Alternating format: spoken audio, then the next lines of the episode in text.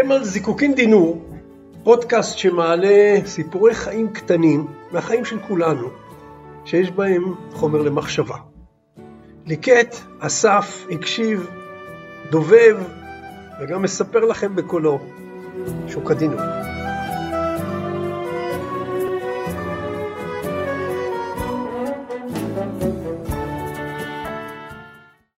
והפעם, טרי מהתנור, כפי ששודר אמש בתוכניתו של שמעון פרנס בגלי צה"ל. זיקוקי דינור של יום שישי, זיקוקי דינור עם שוק הדינור. שוק הדינור, עוד מעט שבת שלום לך. כמעט שבת שלום גם לך, שמעון. הסיפור של היום, הכותרת שלו, סיפור מוזמן.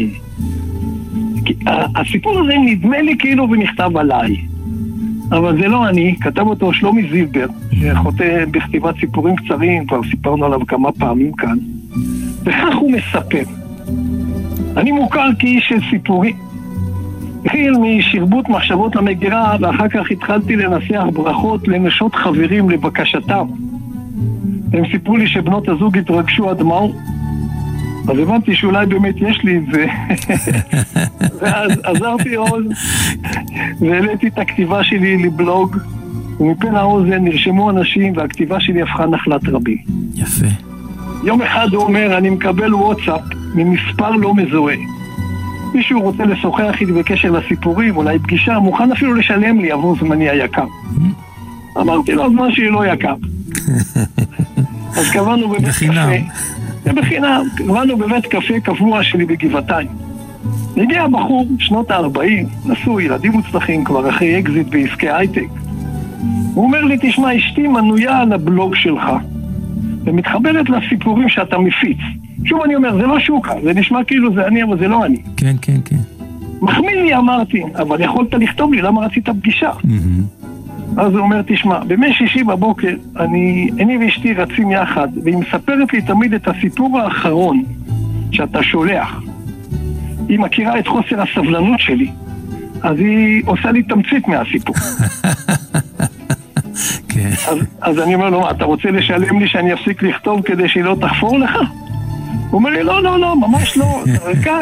הוא אומר, גם אני מתחבר לסיפורים דרך אשתי. אתה יודע, היא גם מתעכבת על התובנות, משליכה על חיינו, והופכת את הסיפורים שלך למעין ייעוץ לחיים. כן. כמוך שוקה. אמרתי לך שזה קצת מזכיר. אז אמרתי לו, תשמע, בהצטנעות, אמרתי לו, תראה, אני לא יועץ, אתה יודע, הסנדלר הולך יחף.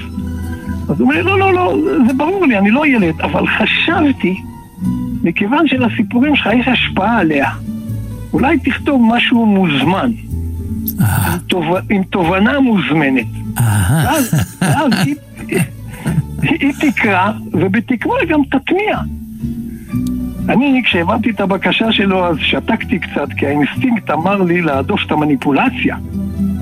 אבל הוא הרגיש בזה, הוא אמר, לא, לא, לא, לא, זה לא משהו רע, הוא אמר, זה משהו שאני מניח שגם מטיף, אתה מטיף אליו, הנושא הוא נושא הקשבה.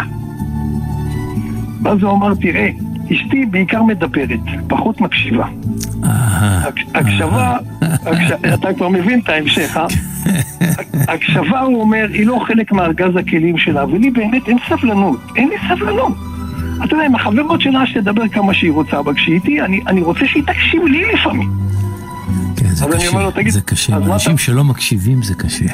כן? אז אני אומר, תגיד, מה אתה רוצה ממני, שאני אקשיב לך? אומר, אומר, לא, לא, ממש לא, אני רוצה להזמין ממך סיפור. ואני אשלם לך ביד רחבה. סיפור שיזמין אותה להקשיב. בדיוק. אני רוצה שתעלה את הסיפור בבלוג תחת הכותרת חשיבותה של הקשבה. אמ, וכך תרים לנו נושא לשיחה בינינו שאנחנו רצים בבוקר, וכשזה יבוא ממך, תאמין לי, יש סיכוי שהיא תטמיע ותשתנה. תשמע, יפה, אחלה רעיון. אז אני אומר לו, אתה יודע מה, תן לי לחשוב על זה. אני לא, אני לא רוצה ממך כסף, תן לחשוב על זה. טוב. כמה שבועות לאחר מכן, אתה תגיד שזה בוודאי אין מקריות בעולמנו, ואני נקלע, כך הוא מספר, לאנקדוטה חביבה על חוסר הקשבה. אז איבדתי את זה לסיפור, הוספתי תובנה והעליתי את זה כסיפור בבלוג שלי. לאיש לא אמרתי כלום. אמרתי לעצמי, אשתו תכיר לו בוודאי את הסיפור בלאו הכי. כן. עבר חודש, לא שמעתי ממנו כלום. כלום. לא. תודה ולא קללה. מוזר. ערב אחד אני נכנס לבית הקפה ההוא בגבעתיים, ההוא שפגשתי אותו. ואני מזהה אותו יושב שם בשולחן פינתי ואינטימי. התקרבתי, הוא ישב עם מישהי, אוחזים ידיים מעל לכוסות יין. חלפה בי מחשבה עגומה שהאיש מצא אהבה חדשה. מישהי שמקשיבה לו, והתעצבתי כי חשבתי שאולי יש לי חלק בפירוק הזה עם הסיפור ששלחתי. הדבר היחידי שהתנחמתי בו, שאמרתי אולי זה רומן שהיה לו כבר קודם. אז לא התאפקתי וניגשתי אליהם. הוא מיד זיהה אותי, הוא קם, הוא קם במבוכה ואמר, סליחה שלא התקשרתי אליך עדיין. הוא אמר, בוא, בוא, בוא, בוא, תצטרף אלינו. גרר כיסא לשולחן שלהם, תכיר, הוא אומר, זאת אביטל. ולה הוא אמר, זה, זה, זה, זה האיש הזה מהסיפורים. והיא לחצה את ידיי בחום, ואמרה לי, וואו, זה אתה, אתה, זה אתה מהסיפורים, תודה על כל הסיפורים. אני אביטל, אני אשתו. אני, רווח לי כשהיא אמרה שהיא אשתו, אמרתי לה, נעים להכיר. אני הנחתי שאולי הוא עדכן אותה במזימה והתחילה להקשיב לו. ואז הוא מזג לי כוס יין ואמר לי, תשמע, לפני כחודש שלחת את הסיפור שהזמנתי וסיימת באמרה שרובנו איננו מקשיבים מתוך כוונה להבין, אלא מתוך כוונה לענות. ממש כך. ובום, הוא אומר, נפל לי האסימון. הבנתי שחוסר הסבלנות שלי, הרי סיפרתי לך שאני חסר סבלנות, התוצאה שלו היא חוסר רצון להקשיב. הבנתי שאני מעט מאוד מקשיב באמת לאשתי אביטל כדי להבין, אז התחלתי לשתוק ולהקשיב. וככל ששתקתי, שמתי יותר. את הלבטים שלה, את מה שמעסיק אותו. וזה שינה את כל השיח בינינו. אתה לא תאמין כמה השיח בינינו התעשר מאז שהתחלתי להקשיב לה.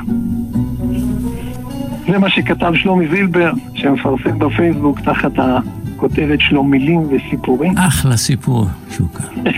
אהבתי. אתה יודע, אני רק אוסיף משפט אחד, שמעון. אתה יודע, לפעמים כדאי לנו להשתנות במקום להתאמץ לשנות את האחרים. Mm, אני חותם, בהסכמה.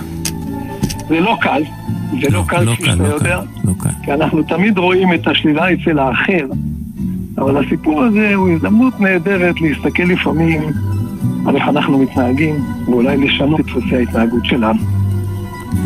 תשמע, זה משפט גדול, להקשיב לא כדי לענות, אלא להקשיב כדי להפנים. להבין, כן. להבין. כן.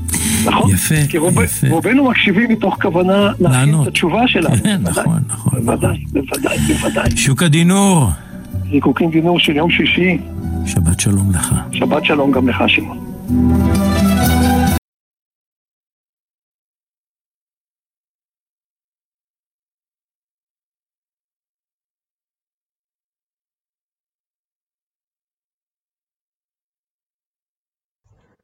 והפעם, טרי מהתנור, כפי ששודר אמש בתוכניתו של שמעון פרנס בגלי צה"ל.